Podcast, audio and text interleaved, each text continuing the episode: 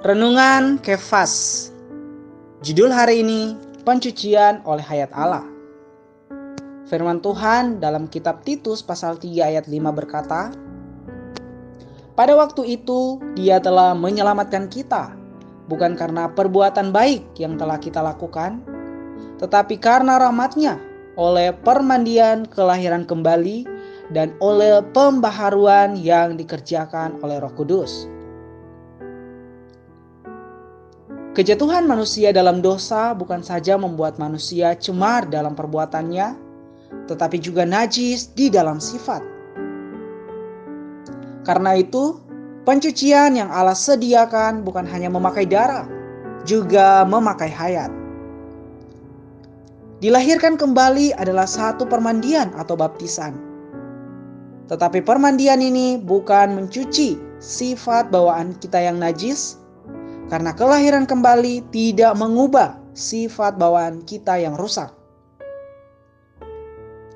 Permandian kelahiran kembali membawakan hayat dan sifat Allah ke dalam kita. Sifat dan hayat Allah inilah yang menyebabkan kita terlepas dari kenajisan sifat dan hayat yang kita miliki akibat dosa.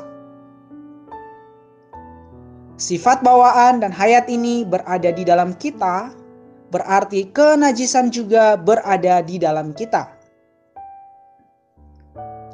Sobat Kefas, kelahiran kembali membuat kita mendapat sifat dan hayat Allah.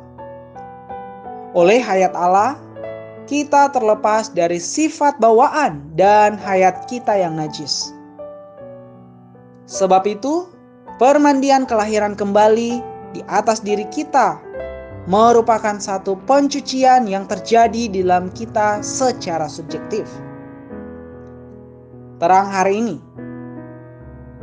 pernahkah kamu menyadari bahwa Allah tidak hanya mau membereskan dosa, tetapi juga sifat kita yang najis? Maukah kamu terlepas dari sifat bawaan yang najis? Apakah yang perlu kamu lakukan? Poin doa Berdoa mengapresiasi hayat Allah membawa kita terlepas dari sifat bawaan kita yang tidak sesuai dengan sifat Allah. Puji Tuhan, Tuhan memberkati saudara-saudari.